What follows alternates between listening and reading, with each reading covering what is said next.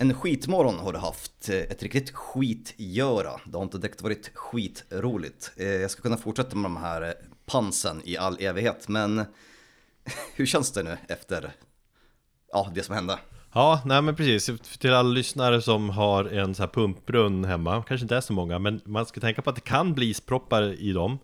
Vilket jag upplevde nu. Så att skiten inte kunde pumpas ut till det kommunala avloppet va. Tipset då är ju att eh, föra ner en kupévärmare ner i brunnen ett tag. Och då, då slipper den där isproppen. Eh, och så ska man också tänka på att locket på till, till pumprum, det ska man, jag ska gärna ha Låta snön vara kvar, jag har ju haft det skottat och det är lite dumt när det varit jävla kallt här um, Låt snön vara kvar för snön har ju en isolerande effekt Så att säga Alright, är du redo att ta av dig på överkroppen och smörja in bringan med eh, kokosolja och köra? Jag har ju tvättat av mig skiten så att eh, vi, vi är mer redo för oljan nu och eh, det där. Ja.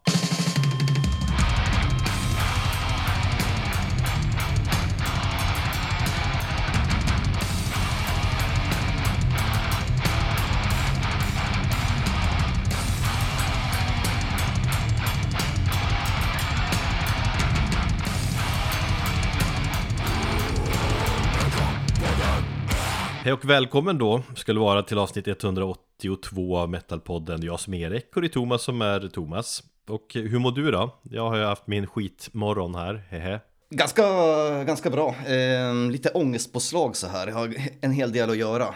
Mm. Eh, men det kanske märks i, i de memesen som jag lägger upp. Mm. Men eh, ja, i övrigt så är det, är det faktiskt bra. Ja, jag har missat, eller jag har inte varit så inne på din, dina, dina memes på senare tid Nej. känner jag. Nej, men du har ju som sagt varit upptagen med skit. Mm. Jo, nej men det är bra, härligt. Uh, ja, jag har inte så mycket mer att säga heller. Solen skiner eller någonting. Du, uh, förra avsnittet... Det gör den ju inte. Det gör den ju. Här uppe lyser den. Här är det grått och trist. Ja, men här är det vackert.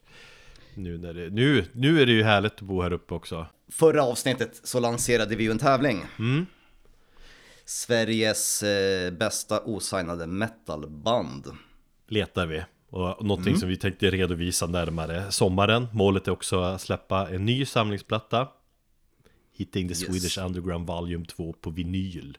Eh, vi har fått in ganska många bidrag redan, får man ju mm. säga. Och det är kul som fan. Och det är verkligen alla genrer också. Känns det som. Och det gillar vi. Absolut, eh, jag har dock märkt en ganska tydlig röd tråd i det här avsnittet, eller med den här satsningen i år eh, jämfört med förra året. Förra gången så var det en hel del symfonisk metal.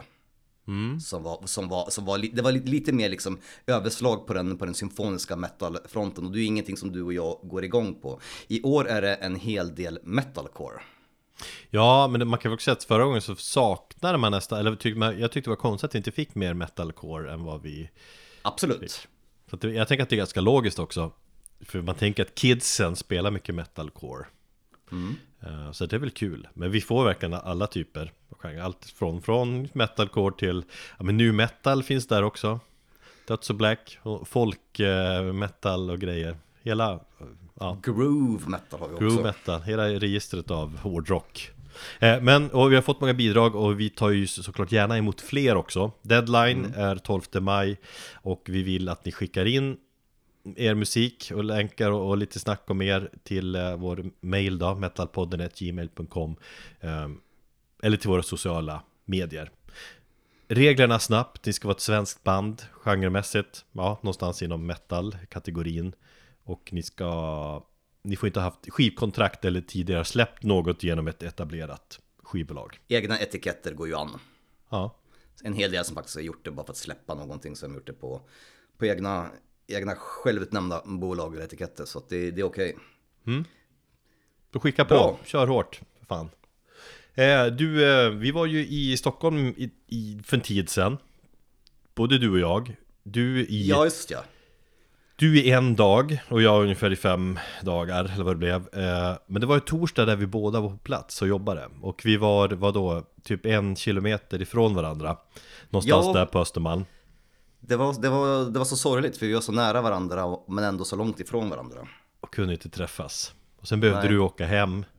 Eh, Men du var också sugen på att stanna och hänga med mig och du, du hade många känslor kring det där. Absolut, jag var tvungen att skriva ett eh, dagboksinlägg här i min telefon. Jag har en sån här dagbok så jag skriver ner vissa grejer. Och då, ja, nej, men det var, det var inte särskilt att besöka Stockholm senast. Jag vet inte varför, men det var, det var just när jag klev av perrongen. Eh, när jag klev av tåget och satte liksom foten på perrongen så bara en massa, ja, för att liksom uttrycka mig i eh, en vis Per Gessle. Eh, här kommer alla känslor på en och samma gång. Mm. Vad var det för Det var- känslor då? Det var vemod, det var sorg, det var lycka, det var...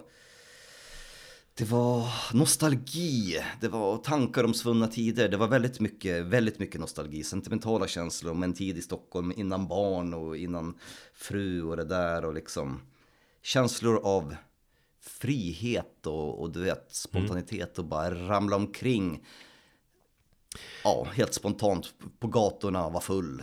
Jag kände ju exakt samma sak och framförallt kvällen innan då jag liksom förflög ner och jag var ute och åt mig själv, tog en drink och liksom var på allmänt bra humör och fick det, det väl handlar väl om nostalgi va? Och minnen och vi har ju båda bott liksom, eller bodde länge i Stockholm så det är väl inte så konstigt egentligen Men det var verkligen Per Gessle alla känslor på en och samma gång Ja, jag, hade ing- jag visste inte vad jag skulle göra av mig. Jag hade så fjärilar i magen hela dagen och sådär. Men... Så det hade varit jättekul att möta upp dig senare. Men eh, ja, familjen krävde min uppmärksamhet efter det. Du var en toffel helt enkelt Jag var en toffel ja. Så kan det vara ibland Men vi måste ju försöka hitta något annat gig eller någonting kul här eh, under våren Det kommer, garanterat. Eh, och vi, sagt, du var jobbade i Stockholm, jag var också ner för att jobba Men jag stannade också kvar för att uppleva rockkonserter va? Och det är för att det gäller att ja, men det gäller att passa på när jag ändå är nere.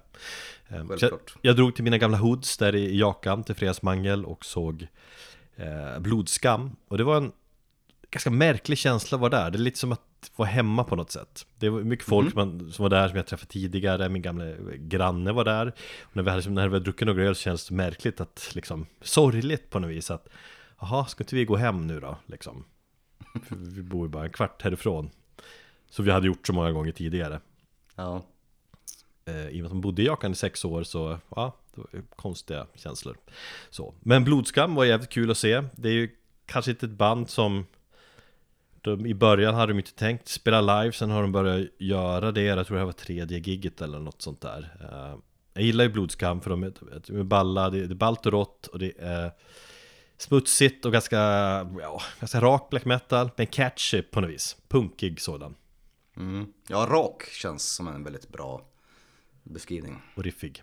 Eh, så. Så, att, och så var det kul att träffa dem efteråt eh, också. också. Mm. Eh, men spelningen jag såg mest fram emot den helgen var ju Spider God som jag eh, kanske är en spelning, i alla fall liksom fram till dess i alla fall, eller, eller det spel som jag sett fram emot mest i år faktiskt. Så mycket som du har tjatat om Spider-God den senaste veckan här så är det så här topp 10 spelningar i livet eller? Eh, nej men någonstans där kändes det som ändå.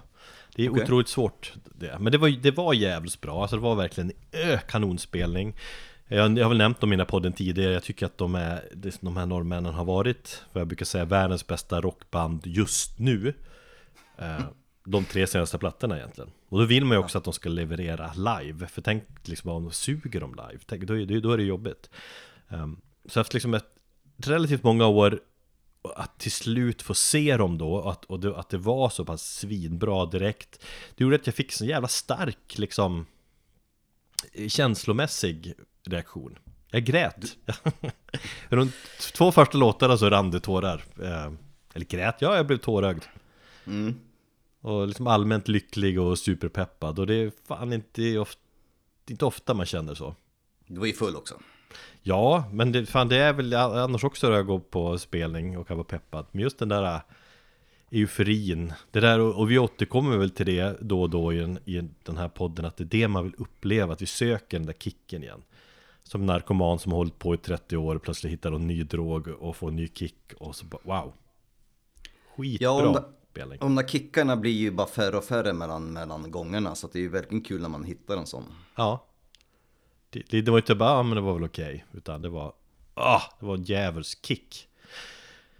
Uh, Spider-God ska man fortsätta lyssna på och ta chansen. Nu spelar man ju i Norge, så åk över till Norge ni som bor där i typ fjällen och Värmland och Göteborg och allt vad det bor.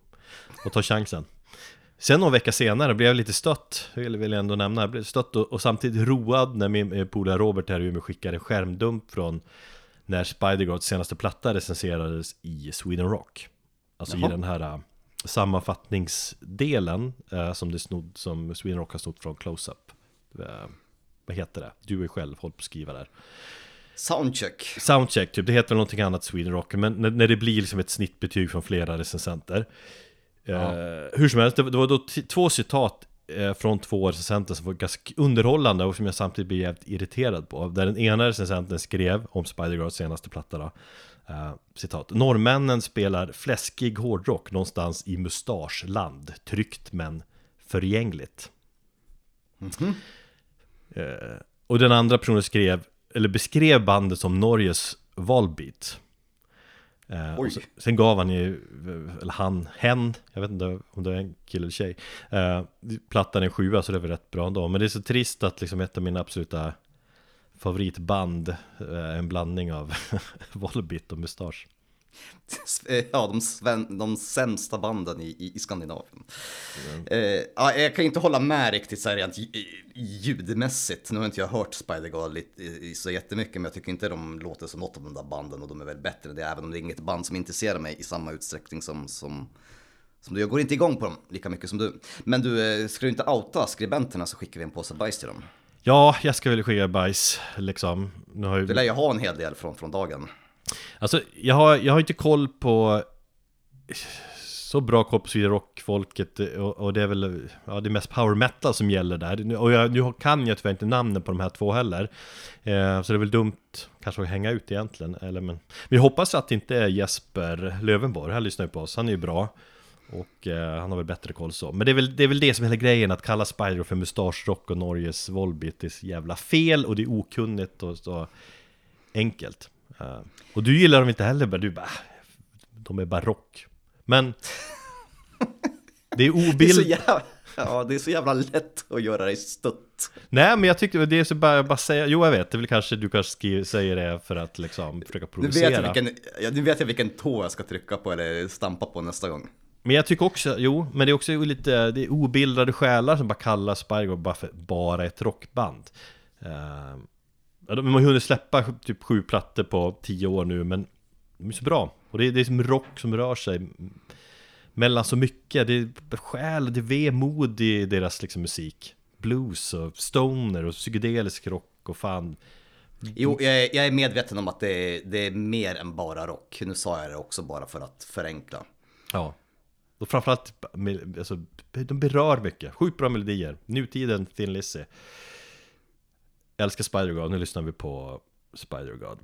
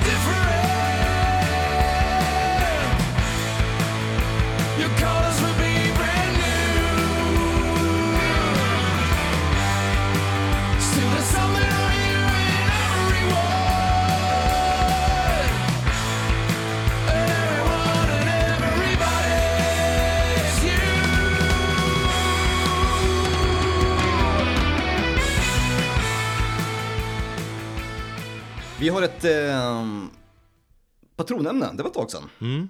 Vi har lyssnat jättemycket på Manowar senaste tiden. Helvete vad mycket Manowar vi har lyssnat på. Ja, att det är ett jävligt mycket jag har lyssnat. Och det, det är för att eh, Per Ring, vår kära patron, har eh, han är ju Patreon-medlem på högsta nivån på patreon.com slash metalpodden Han har fått en metalpodden-mugg men han har också fått äran att bestämma ämne till det här avsnittet Han vill att vi ska snacka Manowar och eh, han säger vad då, Thomas? Jag skulle vilja att ni dyker ner i mitt Guilty Pleasure-band, de självutnämnda Kings of Metal, Manowar. Helst då med fokus på de gamla episka skivorna. Jag vet att man inte får gilla Manowar, men som snart 40-årig gubbe så skiter jag i sånt. Slutcitat. Mm. Det är temat och det är härligt eh, tema, eller härligt ämne. Ja, nej men det faktiskt, jag...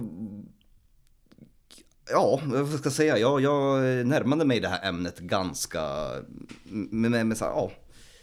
Lite pepp ändå? Eller Ja, lite, lite- ja. nyfikenhet? Nyfikenhet och pepp. Och tänkte så här, jag ska gå in med det här i, med öppet sinne. Och det har jag faktiskt gjort. Och jag har lite ändrade åsikter om Manowar. Eh, och har kanske fått några av mina fördomar grusade. Men, ja, det är lite både och för mig. Men han, han säger också, han har ju lite ett fokus här. Eh, att vi ska snacka om de gamla episka skivorna. Och, och då har vi väl tänkt eh, att vilka är det då? Och vi anser att det är väl 80-talet. De sex första skivorna egentligen. Ja, precis. Eh, och det är väl där som Manowar kanske är var som störst och hade sin, sin mest framgångsrika period. Sen efter det så har de väl, kan man ju diskutera sig i vilken, i vilken utsträckning de har levererat. Men, men eh, de har ju tuffat på ganska ordentligt i 40 år. Men det är väl kanske 80-talet som är mest intressant. Tio första åren, som många andra band. Eh, men i det här fallet, sex första plattorna, Battle Hymns, Into, Into Gloride, Hail to England, Sign of the Hammer, Finding the World och Kings of Metal. Eh, sen har jag också tänkt, gitarristen Ross The Boss, han hoppade av, slash fick kicken från bandet efter Kings of Metal. Eh, och då blir det också liksom ett tydligare slut på, på just den eran kan man säga. Precis. Så vi, lä- vi lägger fokus där och eh, lite kul om man nu tar ditt det här talesättet att bandet är bara intressant de första tio åren alternativt de fyra första albumen så, så är det ju lite grann som med Black Sabbath. Man skulle kunna säga att jag tycker att det här bandet är intressant de första sex plattorna. Men annars så tycker jag att de här fyra första plattorna är ett väldigt bra eh, talesätt för att ja, där någonstans så ryms det, det mesta i de flesta band och det är det, det de har liksom gjort i, i, i sin bandkarriär. Men, men Man, Manowar höll, höll ut lite, lite längre och det, ja, det kommer vi till varför. Men du, vi har ju inte pratat liksom jättemycket om Manowar i, i Metalpoddens historia och det finns väl anledningar till det. Ska vi liksom ska vi prata lite om vår syn på Manowar och, och liksom vad bandet betyder för oss då? Ja, varsågod, du får börja. Jag kan börja. Eh, nej men jag, jag har ju aldrig, jag har aldrig lyssnat särskilt mycket på Manowar, det ska jag vara helt ärlig med. Och jag har väl alltid haft en syn också på att, att bandet, att det, de är ganska töntiga liksom. Det blir, blir för mycket av allt, det blir för mycket Spinal Tap, det blir för mycket av det som gör heavy metal cringe. Alltså det blir för mycket av, liksom, när du är inne på att du inte vill vara hårdrockare, så blir den där, den där äh, synen på en hårdrockare alla, det är lite kanske åt den här Manowar hårdrockaren. Ja, ja, jag är beredd att hålla med där. Men sen är- den platta jag har hört mest är ju Kings of Metal. Eh, Och det gissar jag att så är det för många, för det är deras största platta väl. Um, men de blir liksom en parodi på metal ofta. Och när jag, liksom, när jag hittade metal i min ungdom, eh, liksom när jag blev hårdrockare i början av 90-talet, då var ju inte Manowar det jag ville ha egentligen. Alltså det- här England-peppen de har, heavy metal forever-texterna liksom och oden och sånger om kvinnor och svärd och, och trolldom och allt det där. Det, det var ju liksom inte, det var inte det jag gick igång på riktigt med metal. Nej, det, var, det gjorde inte jag heller. Eh, å andra sidan så tycker jag att mm, idag när man har blivit äldre så kan jag titta på det och kanske uppskatta det på ett annat sätt. Jo men så är det ju. Så jag såg dem ju i Gävle, eller Gefle som vissa säger eh, för, för ett gäng år sedan. Och det var Det var ju underhållande. Fast det var ju mer, också mer underhållande än bra egentligen. Man stod liksom på sidan om Och drack öl och log emellanåt Och eh, kanske gjorde design sign of the hammer själv också. Men alltså, jag, jag vill, eh, jag, jag, håller med dig på alla punkter. Jag, jag tycker också att det här, det här var ingen, inte direkt det som jag heller letade i, i hårdrocken när jag, när jag uppfann den. Mm. Um, väldigt, väldigt många element uh, i deras musik är för cringe för mig. Och, ja, för att göra, göra lite koppling till, till förra avsnittet. Och precis det du sa om det här med att vara hårdrockare. Mm. Det här är ju allt vad jag hatar med, med hårdrocken egentligen. Men jag tycker ändå på något sätt om man nu ska lyfta blicken lite grann så de har varit så jävla inflytelserika och det är så mycket i musiken som av dagens metal som inte hade funnits om inte de hade varit först med det. Mm. Och där någonstans kan jag ändå köpa det och känna att jag har lite respekt för det och att jag ändå kan närma mig Manowar idag med lite mer, eh, ja, vad ska jag säga, lätt, lätt råd synsätt. Mm. Och jag vet inte hur din inställning har varit här heller, men med mitt mål med den här tiden, de här liksom när, när jag har lyssnat på Manowar nästan nonstop i två veckor Det är ändå liksom, man försöker varit att bortse mycket från de här sidorna bandet som jag haft svårt för Att tacka bort mycket av det muppiga, cringiga och, och framförallt se det som är briljant då Även om det är kul med båda sidorna också men Jag vill få, ville få en större bredd av bandet eh, Och det kan jag ändå säga att jag har, har fått liksom. Det har, mm. De har gjort en hel del briljanta grejer. Och samtidigt på något sätt så uppskattar man ändå det som är cringe mer och mer. Alltså Det är en del av spelreglerna eller man ska få det här bandet. Man bara liksom Hail to England, hail, hail! Det känns fullt rimligt. Man har kört liksom låtarna på repeat Ett antal gånger. Eh, Och någonstans vill jag också säga att min allmänna pepp för heavy metal liksom, så klassisk heavy metal liksom, Den den är större sen vår blöta heavy metal-kväll där när vi såg Century och Tyrann. Ja, just det. Uh, när man stod där i publiken och ölen flög och allt var så jävla heavy metal, alla var så jävla heavy metal som var där. Det var bara fan vad skönt med alla heavy metal dudes och heavy metal tjejer där. Då kändes allt full, kändes fullt rimligt. Heavy metal är kung. Ja men det, det, är ju en jävla gemenskap, även om den gemenskapen ibland kan vara lite, lite cringe och sånt där. Mm. Men, alltså ja, jag, jag lyssnade Mycket på... glädje där liksom. Ja, ja verkligen. Och jag, jag, jag, tänkte på det i morse medan du, jag, jag, jag, bara föreställde mig när du skrev i morse och bara helvete, pumpen till toaletten, liksom, avloppspumpen har gått sönder, du var stressad. Och jag mm. sa till dig, vad fan, lyssna på Manowar så kommer du må bättre. ja. Jag tänker så här, han är säkert upprörd nu och han vill nog inte höra liksom, eh, någonting från mig. Men jag satte på Manowar själv och han lyssnade på de fyra, fem första skivorna här innan vi satte igång och spela igen. Mm. Så jag har suttit hela morgonen och jag blev på jävligt bra humör av att ja. lyssna på det. Så att, ja, det är ju, fan det ska man ju ändå respekt för tycker jag. Mm. Sen i ursprungsfrågan där från Per, vår patron, han liksom, får man Får man, eh, eller han skrev så här, ja, vet precis. inte om man får gilla Manowar uh, Men som 40-årig gubbe så skiter jag i sånt Och det är väl lite det också, att med åldern så släpper det där Och man inser att menar, alla de här heavy metal uh, Fantasterna, att det är ju mycket med glimten i ögat Och det fan behöver inte vara så seriöst Det är kul med hårdrock Även om de tar sig själva väldigt seriöst så behöver man som ja, fan inte ta, ta, ta musiken seriöst. Och ja, jag vill också eh, liksom gripa tag i den där frågan. Ja som, som 40-åring så, så får man, man får väl lyssna på vad man vill, men eh, är det liksom, han skriver ju också att det är ett guilty pleasure-band. Jag tycker inte nödvändigtvis det behöver vara guilty pleasure. Jag menar, de två första plattorna är ju klassisk jävla heavy metal. Mm.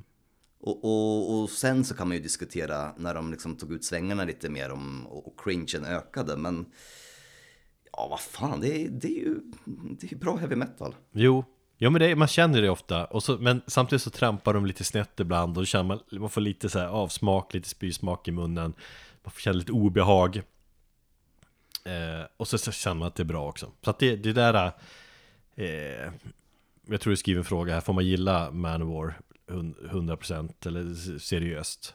Mm. Ja, kanske inte 100% men nästan. Jag säger, eller jag skrev också ett litet citat från mig. Eh, musikalisk briljans blandat med mycket cringe. Mm. Det är ju sj- sjukt skillade och duktiga musiker som vet vad de gör, men ja, de är ibland, det är skämskudden åker ju på. Jo, så är det. Mm. Men det är mycket härligt med Manowar. Ska vi börja där man börjar i början? Som jag brukar säga det. Nej, men vi tar lite story, hur bandet bildades. Eh, 1980, eh, Jody DeMaio, eh, framtida basisten i Manowar, träffade då på Ross DeBoss, gitarristen, eh, när Joey var, var eh, bastech för Black Sabbath. De var ute på sin Heaven Hell-turné i England. Ross DeBoss spelade förband till Black Sabbath i bandet eh, Dictators. Ehm, och eh, det var där de liksom eh, träffades. Mm.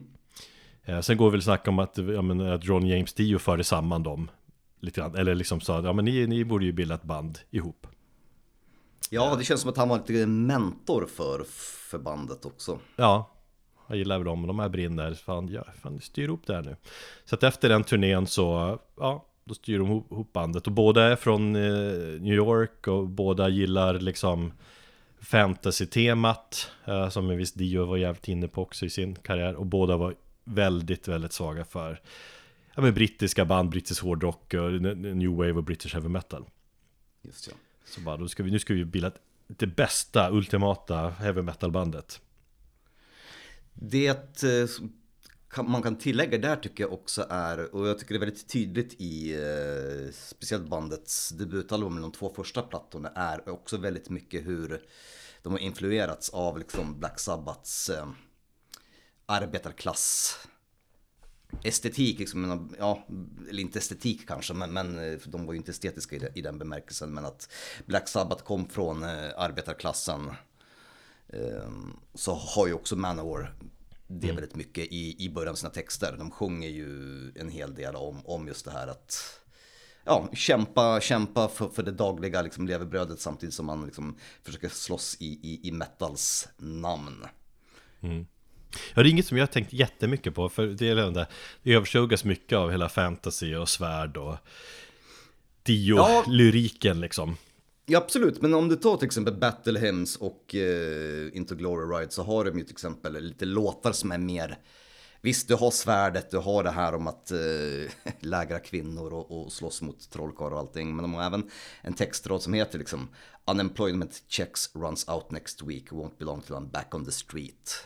Och sen Fighting for metal och det där. Så du har ju hela den här Ja, det, det, det tänket fin, finns mer i början och sen så byttes det totalt ut mot en total fäbless för, för vikingametal, episk metal och allt som har med, med historia att göra. Mm. Jag tycker det är också fascinerande med det här, alltså hur, hur svaga de är för England liksom och för med brittisk hårdrock eller new wave british heavy metal och nämner liksom Saxon, Diamond Head, Samson, alltså de banden. Och det är intressant eftersom ett ba annat band eh, som heter Metallica och som bildades nästan samtidigt eller ja, året efter då. De har nästan likadan historia. Det är två snubbar med, med extrem kärlek för brittisk metal. Och de, och de nämner också liksom samma band egentligen. Saxon, Diamond Head och så vidare. Men de går i en annan riktning och det okej, Motorhead var ju där också och slängdes in i mixen. Men det är lite intressant tycker jag. Att två personer, eller ja, att de, de blir inspirerade av samma band egentligen. Men det, det är ju ganska stor, skill- stor skillnad uh, musikaliskt på Metallica och uh, Manowar. Ja, verkligen. Eh, och sen så får man väl säga att Manowar var ju pionjärer egentligen när det kom till, till väldigt mycket. När de utvecklade sin musik. De var ju liksom, de har väl krediterats till att vara det första liksom proto-vikinga metalbandet. Kan man ju diskutera, men med att de hade vikingateman. Det var det första bandet som hade svärd och trollkarl och hela den estetiken på sina omslag. Jo, sådär, så att, eh, Ja, men, men Metallica var också pionjärer i det mycket på sin tid Men jag tänker också att Jo. det är en orsak till att de kanske inte gick i samma riktning att Metallica är väl, de pojkarna var väl mycket yngre va? Alltså Manowar killarna är väl kanske ja, men gäng år äldre ändå än Metallica Väl? Ja, jag tänkte... Känns som att de är tio år äldre typ och att de hade hållit igång så de, de var mer inne på liksom klassisk mer klassisk metal istället, istället för att göra något helt, något nytt rebelliskt liksom. Jo, absolut, jo, men det kan jag, det kan jag hålla med om. Mm. Uh, nej men sen, sen, är det ju som du säger också att de har varit pionjärer, Manowar, eller sägs vara jävligt stor influens för många band också. Alltså, Mona Mart nämns, fast de är liksom inte i samma genre, men liksom med, med, med vikingatema och grejer. Hammerfall såklart, Blind Guardian. Eh, Sabaton, absolut. Eh, alltså många band som rör sig inom power metal-stilen. Och det köper jag absolut eftersom de var så tidiga med det. Eh, så ser, jag ser ju listor också med band som sägs vara inspirerade av Manowar. Och det är ju, där är det också många band som jag inte har, eller som jag har ganska dålig koll på, band som jag inte lyssnar på. På grund av att det är mycket power ja, metal. Men du är ju alltifrån, liksom, det är ju inte bara power metal band som har influerats av Manowar, utan ja, dödsband och thrashband hade fan Arch Enemy eh, tror jag också hade blivit mm. något sätt influerad av det. Jag kan tänka mig att det, det finns en hel del influenser därifrån också. Men, men Jo men det är det som jag tycker är intressant, absolut pionjärer i power metal, många sådana band, men sen blir det intressant när band som inte spelar mer ren, renodlad power metal har Manowar som liksom tydlig influens, alltså senare Bathory, viking metal-genren, typ hela den här pagan metal och folk metal och doom metal. Just det. Uh, ett band som Bombus har vi har väl nämnt att de har snott grejer från liksom Manowar massvis. Ja. Så att det, det är ju ett band som har påverkat De bara många. överkropparna? Ja, ja, men precis, en sån grej. Eh. Eller bara hela, hela den här äh, Bombus-bilden när de, är, när de rider på hästar typ. Ja, jo, det är sant. Jag vet inte om de just Manowar har gjort det eller, om de, eller att de sa kanske inte ens Manowar har gjort det här. Eller något sånt. Hammerfall tänker jag på har ju nästan, eh, ja visst Hammerfall är ju kanske i sin, i sin egen lilla liga där, men, men jag tänkte att utan, utan Manor hade inte Hammerfall funnits med tanke på hur mycket ordet stil används i deras texter, alltså Hammerfall. Ja. De har ju nästan fan rekord tillsammans med Manowar att sjunga om stål flest gånger i en och samma låt. ja. Det känns som det. Mm. Nej men absolut, det, det går inte att förneka att de, de var först med väldigt mycket, att de var, har influerat väldigt många. Mm. Jag tycker det kan vara intressant att gå igenom med lite, lite saker som de var först med. Eh, ja, som jag nämnde då så var det ju eh, det här med omslagen. Mm. Att de skapade en helt ny estetik kring det. Eh, jag vill däremot, jag bara tänker på vad fan, minns du när vi gick igenom vårt proto, proto metal avsnitt så pratade vi om, vad heter de, Duel? Mm. Nej, Dust hette de. Dust har ju också sett fantasyomslag så jag är inte så här hundra på om, om, om Manowar var verkligen före där. Uh, det, ja, nej, jag vet inte faktiskt. Uh, jag tycker det är asballt, att det är det enda bandet och kanske ja, som har spelat in uh, en, eller använt sig av Orson Welles i, i, sin, i sin musik. Då tänkte jag på författaren Orson Welles. Mm. Um, de har använt en textrad för honom. De har använt honom två gånger på, på, på plattan Battle Hymns och sen så tror jag på om det är eh, femte plattan, heter den? Eh, Kings of Metal eller om det var Fighting the World, det minns jag inte riktigt. Eh, de har även eh, varit första bandet som spelat in digitalt. Det gjorde mm. de också med, eh, jag tror det var Fighting the World. Den första liksom, digitala inspelningen. I alla fall hårdrocken. Eh, vad hade vi mer? Vi har... Eh, ja, och så att det här att de givetvis då, det är bandet som har eh, spelat högst. Finns med i Guinness rekordbok för högst band och även för längst konsert. Ja, Precis, så det är de rekorden som de skryter om mest då, liksom, att 84 och någon annan gång har de slagit rekordet för att spela högst, liksom när de har mätt upp liksom decibel Cirka. Sen har väl band som Motörhead också varit där typ, men eh, och det där rekordet kanske har bräckts sen dess känner jag. Eh, men det, men, som jag förstått det så har Manowar spräckt det rekordet tre gånger. Ja.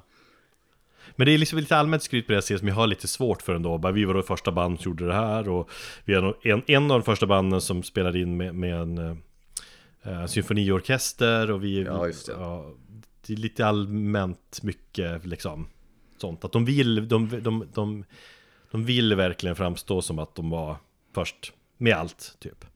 Ja, absolut. Samtidigt så var ju både liksom The Mayos och, och, och, och Roster Boss liksom eh, dröm eller vision var ju att göra det ultimata, skapa det ultimata bandet som är liksom utöver allt annat. De, deras visioner var ju så jävla starka. Mm. The first vara... metal band to record a song in over 18 different languages and counting. Det är också sådär, ja men okej. Okay. Du, jag har lyssnat på det. Jag har lyssnat på alla de versionerna också. Ja. Så säg inte att jag inte blöder för den här podden. Fy fan vad det var efter en stund så bara, ja.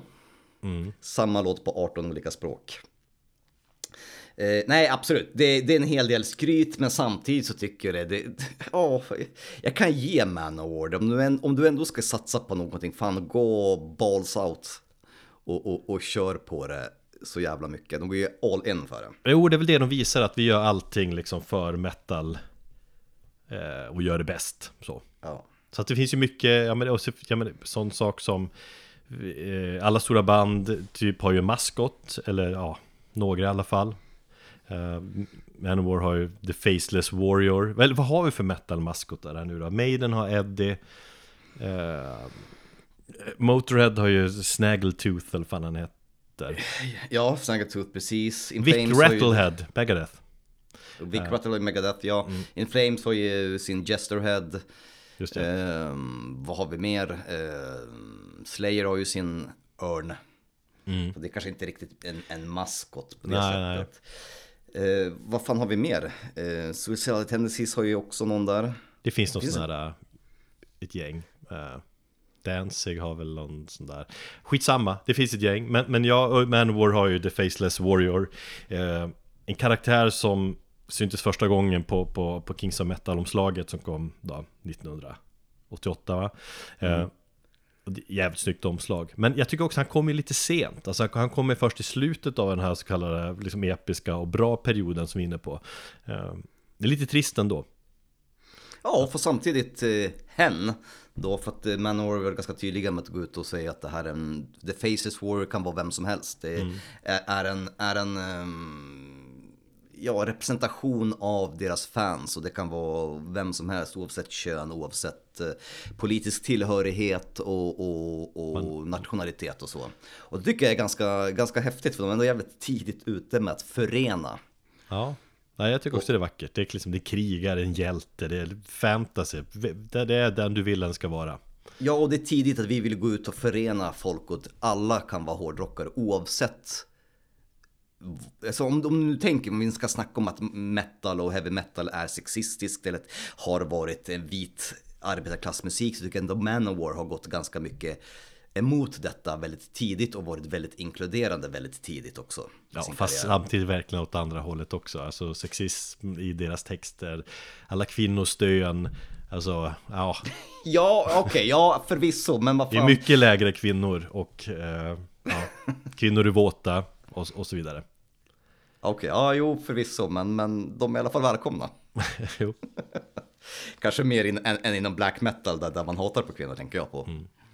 Sen har vi ju liksom, förutom den här maskoten man ska säga, så har vi the sign of the hammer. Den här, den här, den här gesten eller det här greppet som man, man gör då genom att höja höger knytnäve över huvudet va, och hålla i höger handled med, med vänster arm.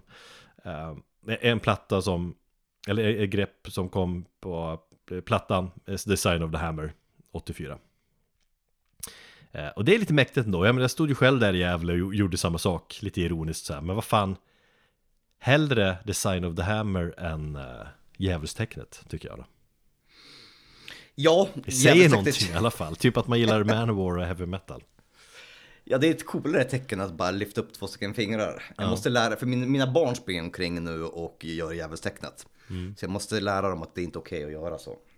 Rocktecknet säger grabbarna. Brukar du, pappa, brukar du göra rocktecknet? För det blir så här, det är ju djävulen. Ja. Nu ska jag lära mina barn att göra Manowar-tecknet tidigt. Mm. Ja men det finns mycket så här kring, kring bandet, de var först med mycket, de har eh, det, det gör att de urskiljer sig på olika sätt De har maskotar och det är tuffa grepp och det är alla de här rekorden då mm. Det är härligt det är jävligt härligt. Och eh, vi ska väl gå in lite grann här på, på varje enskild platta under eh, ja, 80-talet och redogöra för vad vi tycker om dem. Mm, det jag kan säga lite kort, eller vi kan prata lite kort. Tycker du att Manowar är intressanta efter 80-talet? Jag har egentligen ingen åsikt kring det. För jag har knappt lyssnat på det. Jag är inte intresserad av att lyssna på den, liksom, de senare plattorna heller. Och jag har inte gjort det nu heller faktiskt. Så att det, det är mer på ditt bord tänker jag. Okej, okay, ja, nej jag har gått helt all in på, det. Så jag har ju lyssnat på varenda jävla platta. Det tog mig tre dagar att gå igenom. Jag har lyssnat på alla olika alternativa versioner. Och så där. De har ju gjort lite så här. Okej, okay, jag kan säga så här. Manowar är inte lika intressanta efter eh, 90-talet, eller från 90-talet och framåt. Men de har ändå gjort vissa grejer som jag tycker är, är lite balla. Mm. Och normalt sett så är vi väl båda kanske inte speciellt sugna på, på, eller tycker inte det finns någon direkt vett med att göra nyinspelningar. De har ju bland annat gjort två stycken nyinspelningar. Både Battle Hymns och så någon till platta som de har spelat in på nytt då. Mm. Med, med ny utrustning och ja, nya medlemmar. Carl Logan där, han fick ju sparken 2018 efter att det hade uppdagats att han eh, ja, hade en hel bunt med barnpornografi hemma hos sig. Ja. Eh, så att eh, då återvände ju någon annan medlem till, till, till bandet som hade varit med under 90-talet. Noll koll på det här egentligen. Hur högt straff, hur långt straff fick han då? Det vet jag inte, men bandet, jag minns när den nyheten kom faktiskt, för det var, det var ju ganska stort. Så de knöt ju allt kontakt, eller liksom bröt allting med honom. Och den är ganska snabbt ut vill jag minnas och, det, alltså, och bara liksom fördömde hans agerande. Sen så hans typ av pornografibrott, alltså om man nu ska vara lite förmildrande, det var ju inte att han hade utsatt någon utan han hade, hade en massa material som han hade samlat på, det var väl det han dömdes. Jag tror det kallas för third degree eh, child pornography. Att han hade samlat på en massa, eller att han hade liksom, ja, på sin dator Mm, fem och ett halvt år Fem och ett halvt år, okej okay. Han är ju snart ute i och med att han har suttit sedan 2022 Men det är for possessing the material, okej okay. Ja Men ja, det är ju Fan vad lågt det kändes för övrigt Alltså utan att vara insatt i brottet egentligen För, liksom, för att man har haft massa barnporr hemma Men liksom för att vara i USA så känns ju fem år, fem och ett halvt år lågt. Ja, jo men det är ju det, de har ju olika grader och det var third degree av, uh, av liksom tredje gradens bara, bara samlat på, på, eller hostat, jag vet inte, det där är ju juridiska termer. Barn, barnpornografi är ju, är ju liksom förjävligt oavsett liksom. Mm. Men som jag förstår det så hade han liksom inte agerat på det sättet. Men det vet man ju aldrig. Om Nej. det finns någonting gömt där under och det finns något, något offer.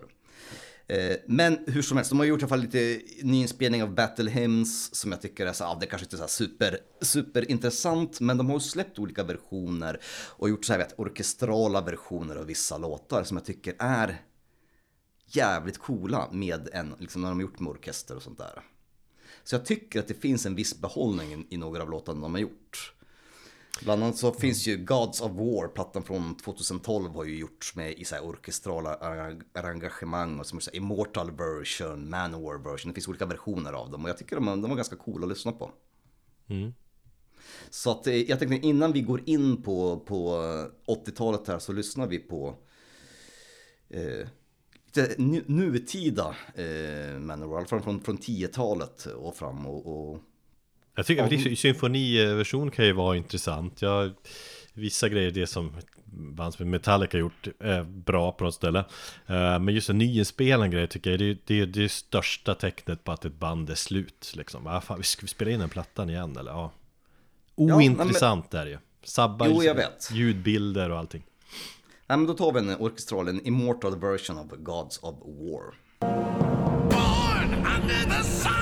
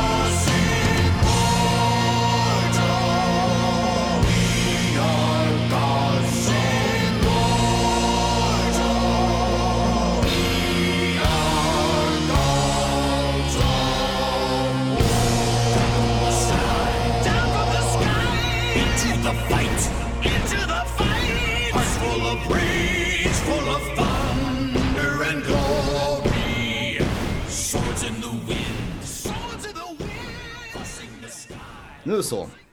Debutplattan.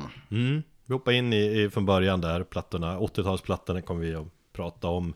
Eh, Och vi börjar med Battle Hymns som kom 1982 Här är det ju ungdomligt och skärmigt, det är det man slås av. Jag hör mycket Kiss här. Jag vet inte om det är liksom allmänt känd influens för Manowar Men jag hör ju liksom, jag tycker Eric Adams sångaren är, det är mycket Paul Stanley i sångstilen eh, det känns som allmänt att de hämtar mycket inspiration från Kiss. Eh, och de har, Battle Hymns, eh, det är ju mycket rock'n'roll i låtarna.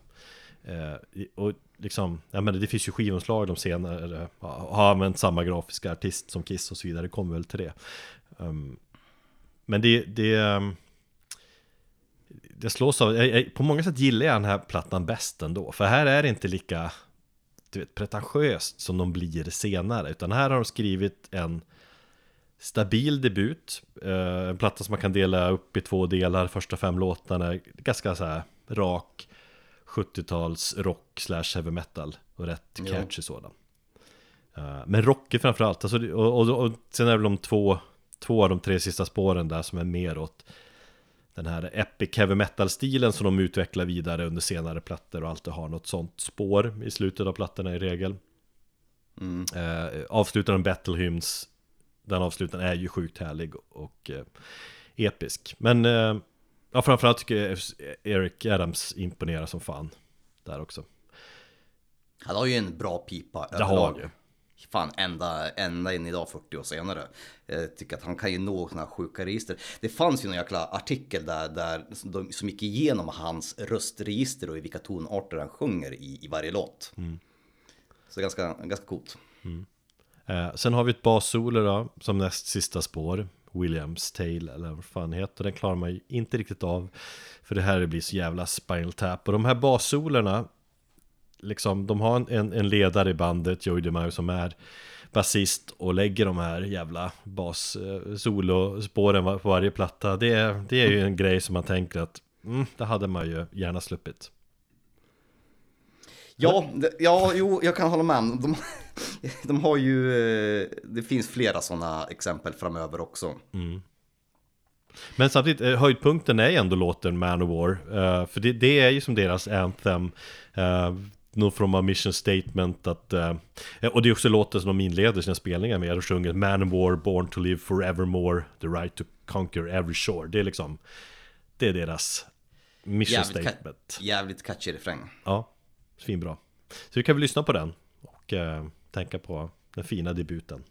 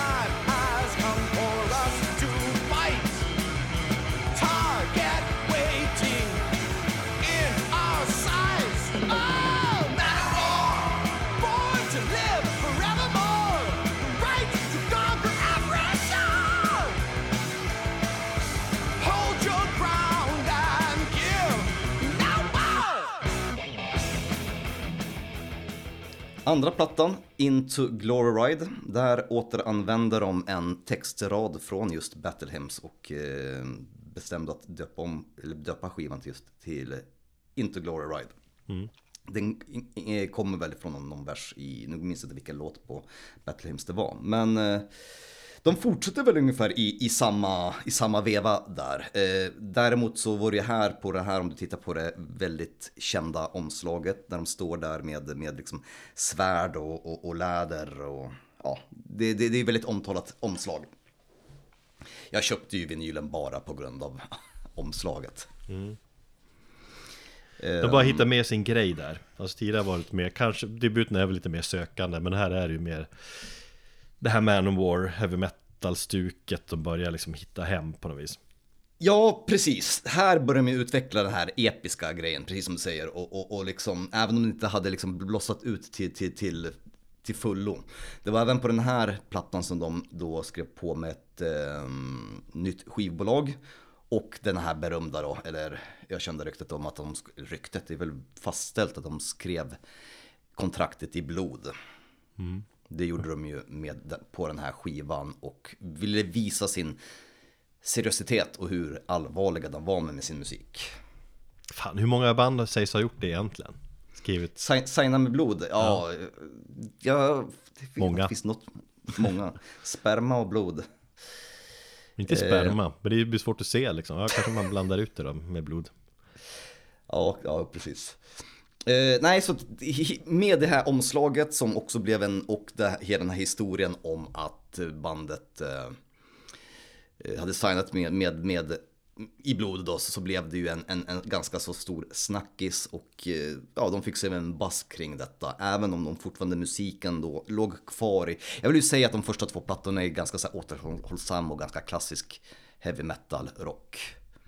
Men de började, de började hitta, hitta sin grej. Ehm, vi lyssnar på en låt därifrån för att veta hur det låter och det är eh, en ganska klassisk eh, låt som även har blivit, som de gjorde en video för det var bandets första video. Jag tror inte det blir mer metal än just en låt som Gloves of Metal och det är väl också en platta som de kör väldigt mycket. Jag tror att de var till och med först med att spela det här på Nickelodeon också på den tiden. Mm. Men sen vill jag också den här plattan, det är också det här äh, Lite cringe det finns ju äh, kvinnostön där på plattan liksom som Ja, är, för, första låten börjar väl med två, två kvinnor stönar. Precis Och det återkommer, de har ju stön senare också Det, det, sig, det är inte, det, det har man inte så mycket av idag Är det för, möjligen för lite kvinnostön i, i rock och metal idag? Mer kvinnostön? Eh, nej, jag vet inte, jag, jag tycker inte, jag, jag tänker på, på vad heter det, eh, Type O Negative eh, och eh, ja, jag har ju en Type O Negative skivplatta när jag sätter på den, så vad fan är det? Är det Bloody Kisses eller?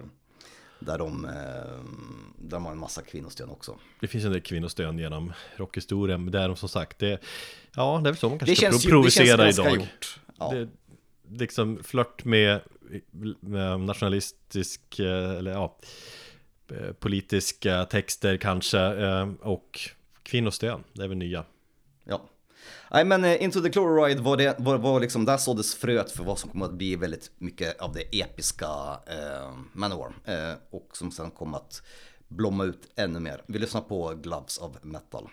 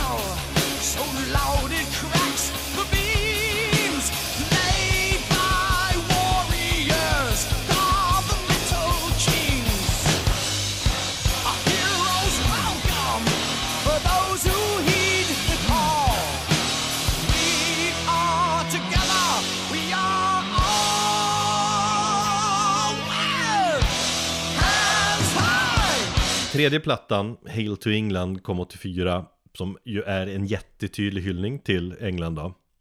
Um, Och det var där de träffades, det var där de bestämde sig för att bilda ett band Det var där alla de bästa banden kom ifrån Som de inspirerades av, alla de här New Wave British Heavy Metal banden. Och, Men det var också där det fanns liksom eh, Journalister som Som liksom Som Manowar menade, de fattade grejen. De blev som Manowar blev lite hånad i annan press Men mycket, de första Liksom journalister som, bara fattade grejen, de var, det var britter. Medan liksom det blev mer, mer, blev mer förlöjligare i andra, andra länder och andra tidningar. Eh, Sen deras första gig hade de ju typ i England och så att det var där publiken fanns också. Så det är allmänt jag- liksom bara England, yes. Ja, vad jag förstått så är väl ehm, De hade någon turné i England som de var tvungna att ställa in så därför valde de Och det blev en massa besvikna fans så därför valde de också att eh, döpa albumet till Hate to England för att liksom Som ett plåster på såren. Ja, har jag ja det är väl ja, flera faktorer där liksom. Ehm, Men det här är också en platta som anses allmänt superbra inom genren. Metal Hammer rankar den, den här plattan eh, Hail to England som, som den fjärde bästa power metal-plattan genom tiderna Eh, Rolling Stone hade med den här på 100 bästa metalplattorna, alla kategorier då, genom tiderna och så vidare. Eh, jag läste en intervju med Sabaton Jocke, eh, tror det eller ej, där han kom i brallan bara av att liksom prata om den här plattan. Eh, och, men, men det, det är en kort platta, 33 minuter och alla 80-talsplattorna som Manowar släppt är väl där någonstans, typ mellan 30 och 40 minuter. Det är fan bra. Plattor behöver inte Ja, vara de, de håller sig kort, korta och koncisa ja Ja. Så att man, det är ganska... ehm, det är jävligt bra sätt att komma in i ett band också när det är korta plattor. För jag har ju som plöjt de här sex eh, 80-talsplattorna och man lär sig plattorna ganska snabbt egentligen. Eh, Jaså, jag tycker det var tvärtom. Jag har haft Men du har ju lyssnat på för många plattor, du har lyssnat på alla, hur många fan har du släppt? Bra bit över 10? 12. 12. Ja. 12, ja om du nu räknar studioplattor. Sen så har de ju kommit med en hel del EPs och, och som sagt alla de här nyinspelningarna och orkestrala varianter. Fuck that shit. Jo. Ja, nej men sagt 33 minuter, sen nä- näst sista spåret där Black Arrows är ju ett sånt där uh, jobbigt bas-solospår igen. Um, väldigt Spinal Tap, muppigt. Uh, så egentligen är det bara sju låtar då. Eh, och typ en halvtimme. Eh, men eftersom den här plattan är så jävla hyllad eh, och liksom vad många anses vara den, deras bästa så har jag lyssnat liksom extra mycket på den här också och plöjt den om och om igen. Eh, för jag, sen tidigare har jag knappt hört den där plattan. Så jag gillar mycket i den. Men det finns också grejer jag, jag liksom har svårt för. Förutom det här instrumentala bas-solospåret så är det ju Ja men bara introt på den här låten är sjukt cringe. Där han säger någonting liksom bara Each note I now play eh, Will send a death eh, sent to the hearts of those who play false metal Eller något sånt där Fast jag, jag vet, jag Ja gillar det. ja, men vad fan Jag Det är, liksom- den första att reagera på sånt där egentligen, men jag, tycker, jag tänker mig att de gör detta i karaktären av Manowar. Att det, det är ju ungefär som man, alltså visst jag lyssnade på en hel del power metal under mina tonår och då var det liksom, man sätter på liksom Hammerfalls plattor eller vad det För var. att du är mest Guardian. power metal av oss Ja, egentligen. Så jag menar, när jag sätter på, jag kan ju fortfarande ibland lyssna på Blind Guardian, Nightfall i Middle Earth när jag får liksom så här Sagan om ringen-pepp. Och det är, det är ungefär som att öppna en bok och gå in i den världen och nu bara, nu är jag Bilbo eller nu är eller liksom Frodo och som, som, som är på väg i ringen. Med ringen till Mount Doom. Apropå det, vi är ju på väg till Mount Doom, eller hur, du och jag? Under våra promenader här. Ehm, så Vi jag kör tycker Fantasy Hike-appen, kolla upp den ja. Ska ni, kan ni promenera får vi se vem av oss som kommer först till Mount Doom. Ganska kul ändå faktiskt. Bra, bra grej du fick in mig på. Nej men... eh, Jo, så- ja, absolut att de är i karaktär, men ibland blir det för mycket att liksom, och det här liksom det bara Send death to the hearts of those who play false metal Det blir liksom eh, blir förlöjligat blir- blir töntigt På något vis Steel ändå, Panther har ju en grej där det bara death to all but metal Och så missförstå, vadå? Death to all but metal? är det liksom all, all, all rump-metal? No, death to all but metal ja. Och så vidare Det känns som att de driver lite med Manowar då. Ja men Death to False Metal är ju ett jävla schysst uttryck ändå. Ja. Det finns ju många posörer. Ja men det finns där lite de där cringe grejerna Men sen tycker jag problemet med den här plattan är ju att produktionen eh, är jävligt tveksam till. Det låter lite B här och där. Basen är svinhög. Alltså den är äckligt hög i mixen Och det har väl att göra med att ledaren i bandet är basist. Men den tar över för mycket Helvete det är ju liksom elgitarren som ska vara det, det framträdande instrumentet i metal For fuck's sake ju Ja, jo. Sant. Men sen, och sen det här äh, det är ett avslutande spår här som ska vara sån där epic heavy metal i sann Manowar-skola, A Bridge of Death, nästan nio minuter och Bra långt intro på typ så här två, tre minuter Men sen håller det inte riktigt ändå Så att jag äh, sk- sk- Skivomslag gillar jag mycket, så jag vill ha skivan typ därifrån. Eh, Och det finns några höjdpunkter här och där. Men den som helhet, mm, jag förstår inte riktigt den hela storheten med det Med den på grund av de här grejerna jag nämnde då. Mm.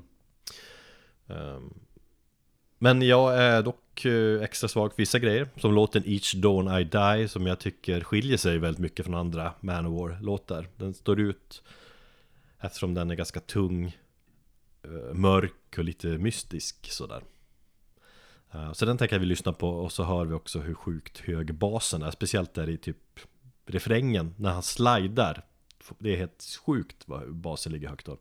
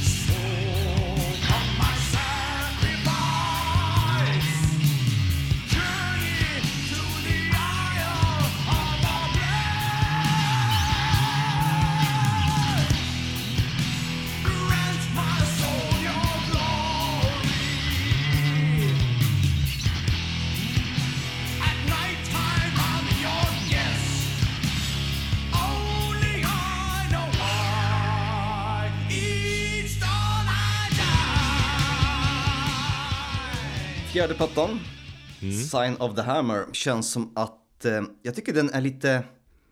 Jag har svårt att placera den i, i liksom bandets diskografi. Eh, därför att jag tyckte att de började nå ännu mer episka liksom höjder med eh, Hail to England. Och sen så nästan går de liksom tillbaka lite grann här. Till de två första plattorna. Och sen så med Fighting the World och Kings of Metal blir det super, som den här hoppen mellan liksom den här själva utvecklingen i bandets, om man, liksom, om man ska ta de här sex plattorna och lägga ut dem framför varandra, så tycker jag att den här utvecklingen inte är rak, utan någonstans kring den här plattan så tycker jag att de gör någonting annorlunda och sen så går de på det här episka. Men som jag har förstått, den här plattan spelar de nästan in samtidigt som uh, Hail to England. Alltså att, så att det är lite problemet där, um, lite så här load reload syndromet. Okej, nu får jag sluta snacka Metallica-koppling här. Men, men li- liksom att det kanske var lite så att några av de här låtarna kanske inte kom med i första plattan, Hail to England, så att det här är lite B-sida stup på. Eh, att de släppte, skrev Ja, jag ga- törs ganska inte- samtidigt. Jag törs inte ta gift på, på hur, hur, de, hur inspelningen gick till. Jag vet att Hail to England spelades väl in under på en vecka. Så att det är mycket möjligt att de hade, hade tid att spela in det här. Men alltså jag tycker det är fortfarande det är ett bra, eh, bra album. Jag tycker faktiskt, jag har lite svårare för, för, för Hail to England och föredrar faktiskt Sign of the Hammer. Jag håller med. Jag tycker, jag gillar ändå den här plattan mer. Men det är, Det- ja, det, och det är samma sätt, det finns ju basrunkeriet där, plattans basrunk, Thunderpick. Eh, Animal, riktig skitlåt. Här Knullåt, han är ett djur, kvinnan blir våt. Det är typ det jag sjunger. Ja men fan, Thor är ju svinbra. Till exempel den låten, är Thor the Powerhead, det är en skitbra låt. Och kanske, ja, här börjar det komma in väldigt mycket ny, no, norsk, vad säger nordisk mytologi också. Ja. Ännu mer som kommer att använda framöver väldigt mycket om just Tor och Odin och sånt. Eh, och det ser man ju också på, på, på omslaget. Och det är ju också anledningen till varför jag gillar plattan. Det är ju en hel del röd, vit och eh, svarta estetiska tilltalande färger. Vad du menar, så fort det är lite nazistisk estetik så går det igång. Ja, ja, lite grann. Ja, det var ju snyggt. Eller det är ju snyggt. Ja, jo men, Nej, alltså, men de har- det, är, sna- det är snygga, alla, jag gillar många skivomslag de har gjort. Absolut. Och här är det som sagt, det är ju inte bandet som är, är heller på, på, på, på skivan. Så att, eh, till skillnad från de andra plattorna. Så det känns också som att de, vill, ja, de ville någonting annat med den här plattan. Och den här skivan eh, är väl också den som eh, egentligen eh, avslutar deras eh, Holy Trinity of Epic. Eh, Det är de här tre plattorna, det är eh, Into Glory Ride, Hail to England och Sign of the Hammer som anses vara någon form av så här, trilogi av episka skivor som körde under 80-talet. Men får inte första plattan Battle Hymns vara med där? Alltså för det är vissa som menar att det är de fyra första som är liksom the real Ja, alltså det, det, det finns ju, det, det är lite, det är lite dubbelt det där faktiskt. För att dels så är det ju att de fyra första albumen, bland det riktigt true Manowar-fanet så är det ju att de fyra första albumen anses ju vara de bästa. Och det, det spreds ju ett rykte eller någon sån här kul grej efter att det var deras grannar som hade spelat in de fyra första albumen och sen så dog grannarna och därefter slutade Manowar upphöra. Ehm, och därför så blev Manowar aldrig bättre än så. Men sen så finns det också att eh, man snackar om det, här, The Holy Trinity of Epic och då märker man, då tänker man på första plattan var väl kanske debutalbumet och har inte riktigt hittat sitt sound. Så de, det, är, det är de efterföljande tre som egentligen tillhör den här trilogin. Just det. Jag, jag vill ju då påstå att eh, den här episka grejen blev ju ännu större efter Sign of the Hammer. Det är nu efter den här plattan som det verkligen de lägger in den här episka växeln. Och kör mycket större anthems. Det blev ju anthem metal mer. Jo men det anser jag, det är inte samma sak menar jag Alltså Anthem mer, alltså Anthem-grejen de gör Blir lite mer kommersiellt tänk än det här Epic Heavy Metal Ja, ja kanske. Eller det, Ja. med Anthem-grejen blir det ett mer kommersiellare tänk någonstans Sen så är det ju också att den här skivan, det är lite blandade texter här också på den här skivan. För att det är ju inte heller så mycket bara episkt och viking och sånt. Även om man har liksom Thor, Powerhead, en låt om just eh, vikingagudar, Sign of the Hammer, så har de ju även liksom eh, den här eh, sista och avslutande låten Guyana, Cult of the Damned, som handlar om vad heter den här, Jonestone Massacre. Så där har du helt plötsligt en, en, en, verklighet, en verklig skildring av ja, ett event i samhället liksom, som har hänt. Och det känns också ganska så här otypiskt Manowar att sjunga om någonting verkligt. Ja, och, och, men lyrikmässigt så är det, det är fan, det är ganska blandat egentligen. Alltså Ja, Förutom fantasy-temat och så är det liksom om Manowar själva och hur jävla metal de är. Och så är det kvinnor Och så är alltså, det, är, det är bra, ganska bra blandning ändå det är det. Men det, jag tycker det är bara lite, lite överraskande att de väljer ändå att liksom vara så pass förankrade och sjunga om en, om en, om en, om en verklig händelse. Även om den händelsen i sig är väldigt mycket eh, metal den också. Eh, vi ska lyssna på en låt som du gick igång på som fan. Jag tycker Mountains är en ballad, en av deras liksom, Bättre. Va? deras bättre ballad. Ja, men det kanske är deras bästa, eller det är jävligt stabilt. Eric Adams levererar mm, väldigt på hög nivå, utan det, och liksom, det, ibland blir han lite såhär bättre ord om, men, men pretentiös i sitt sätt att sjunga. Men här, det, det är ett riktigt bra, riktigt bra låt. De har väldigt mycket, massiv och det här mäktiga refrängen och, och visar upp så mycket delar när, när, när Manowar är som liksom bäst och utan att man behöver när man inte behöver titta på de här mera pinsamma grejerna liksom. So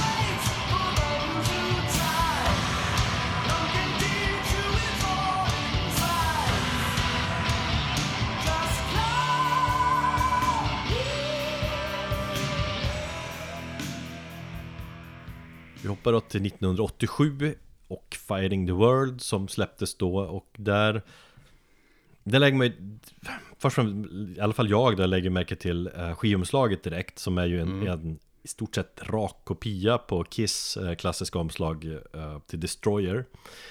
Och det är samma person som har gjort det, Ken Kelly. Och jag menar, och Destroyer kom väl tio år tidigare Och det andra man lä- lägger märke till, det är ju när man lyssnar, är att de musikaliskt har gått in på liksom en betydligt mer kommersiellare bana här. Absolut. Eh, Ken Kelly började väl jobba med eh, bandet från och med den här skivan. Och har gjort typ alla omslag sedan dess. Eh, Och han var ju super... Han har ju jobbat med eh, Kiss, så han var ju väldigt inspirerad av Kiss. Jo, Så det, det, känns, det känns inte som en, en, en oäven jämförelse att, att det, det, det ser väldigt Kiss ut och det håller jag med om. ja men det, det, för mig är det ju en, Rakt en, av en rakt av liksom kopia egentligen och, och i och med det så tolkar jag också som en hyllning till Kiss. Nu vet jag inte, jag har inte läst mycket intervjuer med Manowar och sånt egentligen men det Jag hör ju mycket Kiss i Manowar liksom. Jo, Så att jag tänker att det är en av de stora, för det, men mest har jag bara läst om New Wave och British Heavy Metal-banden, men inte så mycket om Kiss egentligen. Eh, så det är härligt. Men, men, den här plattan är ju när man lyssnar, och det, det, den räknas väl liksom in som Ja men bryggan, eller första plattan till den här mer kommersiellare eran av Manowar. Det, det här heavy metal, anthem metal som vi, vi är in- inne på. absolut. Det, var en, det var en brygga till, till vad, som, vad som skulle komma sen. Men otroligt tidstypiskt ändå för att vara liksom, och senare av 80-talet eh, ba- Om man ska jämföra vidare med Kiss så låter det väldigt mycket Kiss 80-tal här. Alltså de här Lick It Up och Heavens of Fire och liksom den, det soundet. Eh, Så att det blir ju också då Finding, World, Finding the World blir ju en tydlig sellout-platta på något sätt Jag har ju eh, svårt för den här plattan. Ja, Av, av ovan nämnda anledningar. Jag tycker att det här är kanske deras glammigaste platta. Eh, det är ju som sagt, det är för mycket flörtar till Kiss och, och, och, och hela den här glambiten som gör att den, ja, jag, har, jag tycker inte den är speciellt rolig att lyssna på. det, ja. ja exakt, och de, här, mycket av de här epic heavy metal grejerna finns ju inte riktigt här då. De har, de har liksom tappat mycket av det som, som, som fanns på de tidigare plattorna. Även om du har låten Defender, som väl är väl en låt som, som ska vara i den stilen liksom på plattan. Men annars vet jag inte, det, det är ganska logisk, liksom klassisk riktning som många andra metalband gick i under den här tiden. Det är mer, det är mer radiovänligt liksom, och mer producerat och, och så. Att, eh, bara, äh, vi kortar ner den här låten, det behöver inte vara längre än tre minuter så är, det, så är vi hemma. Mm, det var ju på den här plattan de eh, återanvände Orson Welles textinläsning från debuten också. Okej. Eh, det, den här Defender har ju ett citat läst av, av Orson Welles innan han dog. Ehm, och de använde det på Dark Avenger på Battle Hymns. Just. Så, så jag tror de bara körde en, eh, ja, de eh, åter, åter, återanvände den grejen. Sen spelades in, det in i sin, eh, i nyinspelning av Battle Hymns så tror jag det är Sir Christopher Lee. Han var ju ett metalhead också, han kör den, eh, den texten istället. Kul kuriosa. Sen är väl höjdpunkten på plattan eh, Black Wind, Fire and Steel som vi ska lyssna på. Eh, Ja, och det, det, är väl, det är väl det enda jag kan säga den här, eh, om den här plattan, gott om den här plattan, det är att den avslutas med den här låten och den låten är ju svinbra. ja, och det är låt som de avslutar deras gig med också. Eh, är snabb och den är dubbeltramp och det känns väldigt mycket liksom eh, power metal, alltså som jag tänker mig power metal, st- storslagen, snabb, mm, halloween liksom, mycket. Jag tycker att det här, alltså den låten, alltså den avslutar en platta och visar vad som komma skall framöver. Ja, på något på, sätt. På, på Kings of Metal, ja.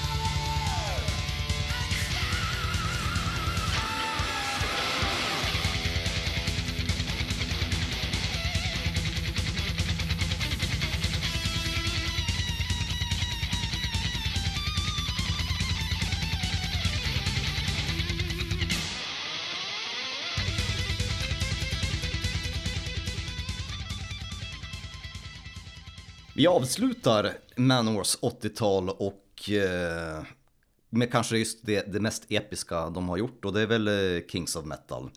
Och det här är väl en, det albumet som, om man pratar om Manowar så är det väl just det här som oftast kommer först på tal. Eh, det är ju den plattan som jag upptäckte Manowar med. Eh, det är ju deras mest största liksom, kommersiella succé och det var ju med, det här, eh, med den här plattan som bandet totalt helt tog över världen och blev liksom det största heavy metal bandet.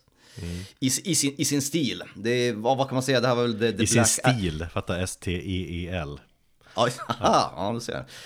Visste inte ens om. Nej men så är det för mig också, det är den här plattan som jag har hört Ehm, Jag kommer ihåg när jag lyssnade på den här plattan när jag var typ 15 och bara, "Ah, det här- det är Manowar Allt- ja, Allt från omslaget. Jag, jag minns till och med när jag liksom fastnade för In Flames eh, så hade eh, Jesper Strömblad, liksom så här, nu snackar vi tidigt 90-tal.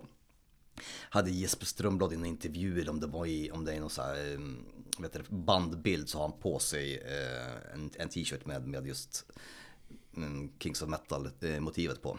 Så bara, fan det där ser ju ganska coolt ut, vilken jävla krigare.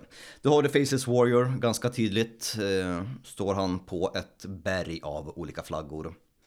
Det blir ju inte så, så, så, så mycket mer metal än, än, än det. Och sen så varenda jävla titel har ju någonting med fire metal eller stil. Är det någonting som jag kanske skulle då säga dra ner plattan så är det väl just det här instrumentala partiet Sting of the Bumblebee som jag inte tycker tillför speciellt mycket. Just det här att liksom man, bara, han måste fortsätta göra de där grejerna. Liksom, Fuck off. Eller, det, eller hans, det är så- instä- hans inställning är exakt så. Fuck off, jag är kung på att spela basgitarr. Och det, det vill jag visa. Och det har jag gjort i alla skivor. Och jag äger det här bandet typ Och eh, ni får ta det här för vad det är Ja, det känns som att det är väldigt mycket ego som, som, som talar där när, när de här låtarna kommer. Sen texten till Pleasure Slave, det fattar man ju direkt vad, vad det är som handlar om. Den är också ytterst tveksam. A woman be my slave, that's, that's your reason to live. Woman be my slave, the greatest gift I can give. Woman be my slave. Faktum är att jag och, eller vi, ja, eh, när vi var 15, vårt band, Harvest Lockos, världens bästa band i Övik där då. Vi, vi tyckte det där var så kul så vi snodde lite av den texten till en av våra låtar. Det hade varit kul att höra den texten idag, men det var verkligen såhär, kolla det här är kul. Woman be my slave. Jag tror vi döpte låten till Women be my slave. Eh, ett gäng 15, 14-15-åriga oskulder som tyckte det var kul då. Men den är ju tve, tveksam och det är kvinnostön där också. Så den, den låten håller ju inte riktigt idag så. Nej, det gör den nog inte. Eh, Jag tänker väl också att det är väl en hel del eh, Conan Barbarian eh, stil i den också. Jag tänker på, på det här kända citatet från, av Arnold Schwarzenegger från den filmen. What is the, the best in life? To see your enemies driven before you and hear the lamentations of the women. Ja. Det finns ju klassiska citat, liksom Other bands play, man war kill.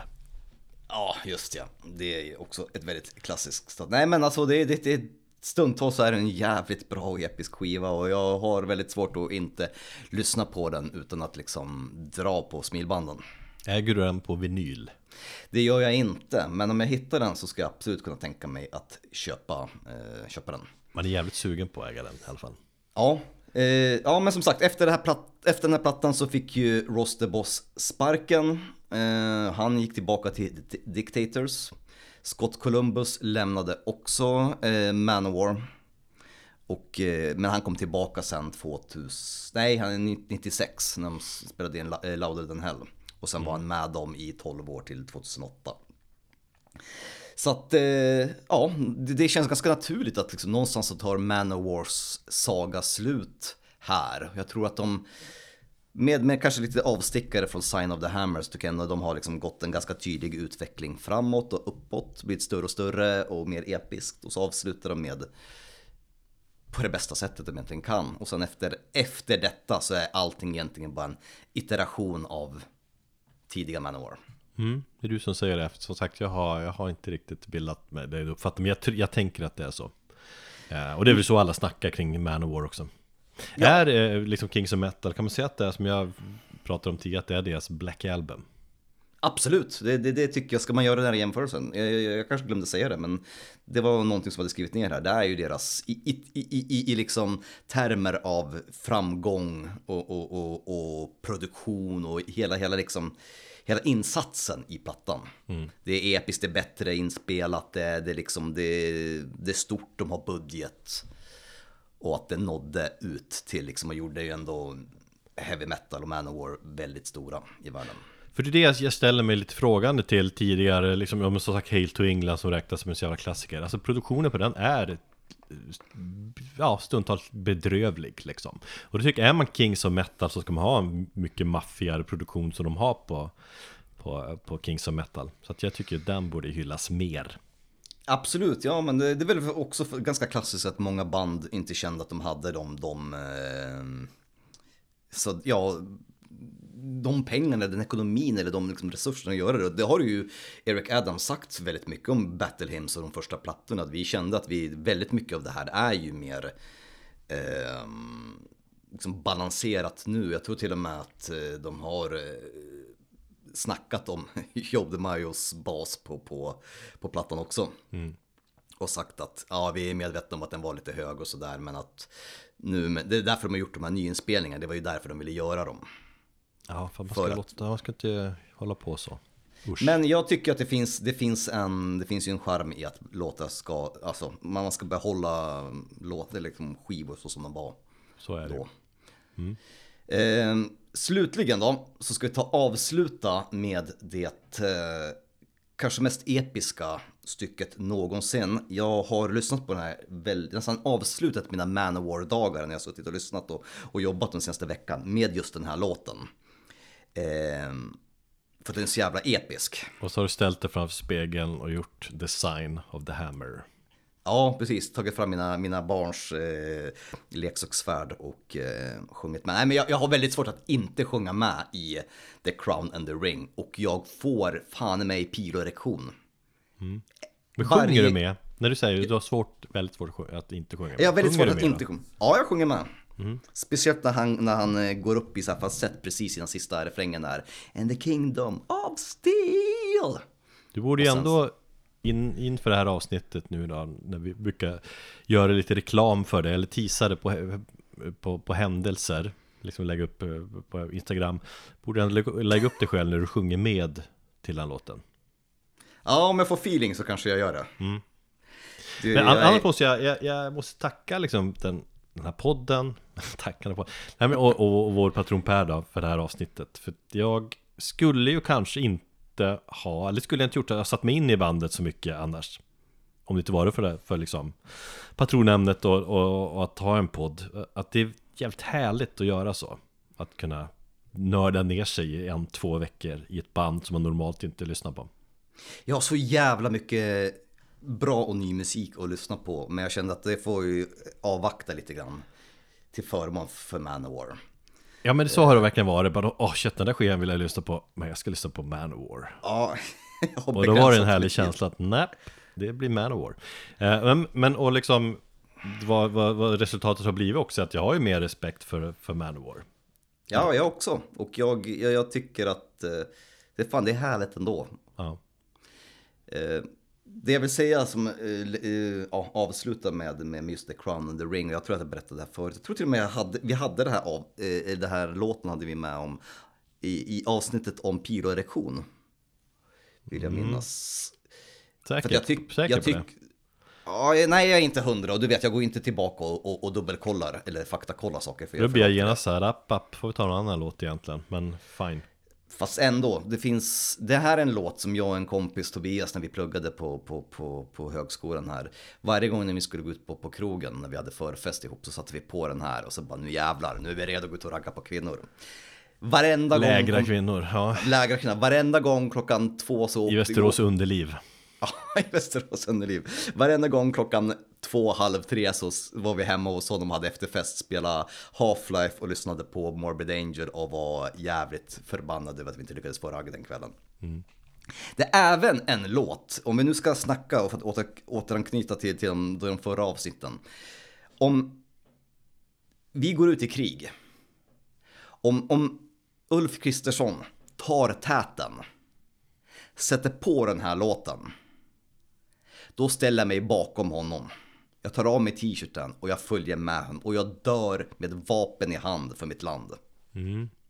Men då ska fan i mig Ulf Kristersson stå i täten. Ja men jag fan, det kommer jag inte göra. Han lyssnar ju inte på sånt. Det finns ju, inga borgare har någonsin haft bra musiksmak ju, men Sabaton då, det, blir, det är ju motsvarigheten i Sverige. Helvete heller nej. Jag bara menar på hur episk den här låten är. Det är en låt som man skulle kunna dö ut. Det är, Alltså, du skulle verkligen kunna liksom rally the troops. Du hoppar ta en kula, du offrar dig liksom. För Sverige, för våra värderingar. Våra gränser. Det var Manowar, Death to False Metal. Äh, det var härligt. Tack Thomas. Tack själv, nu ska jag äta frukost. Ta hand om er.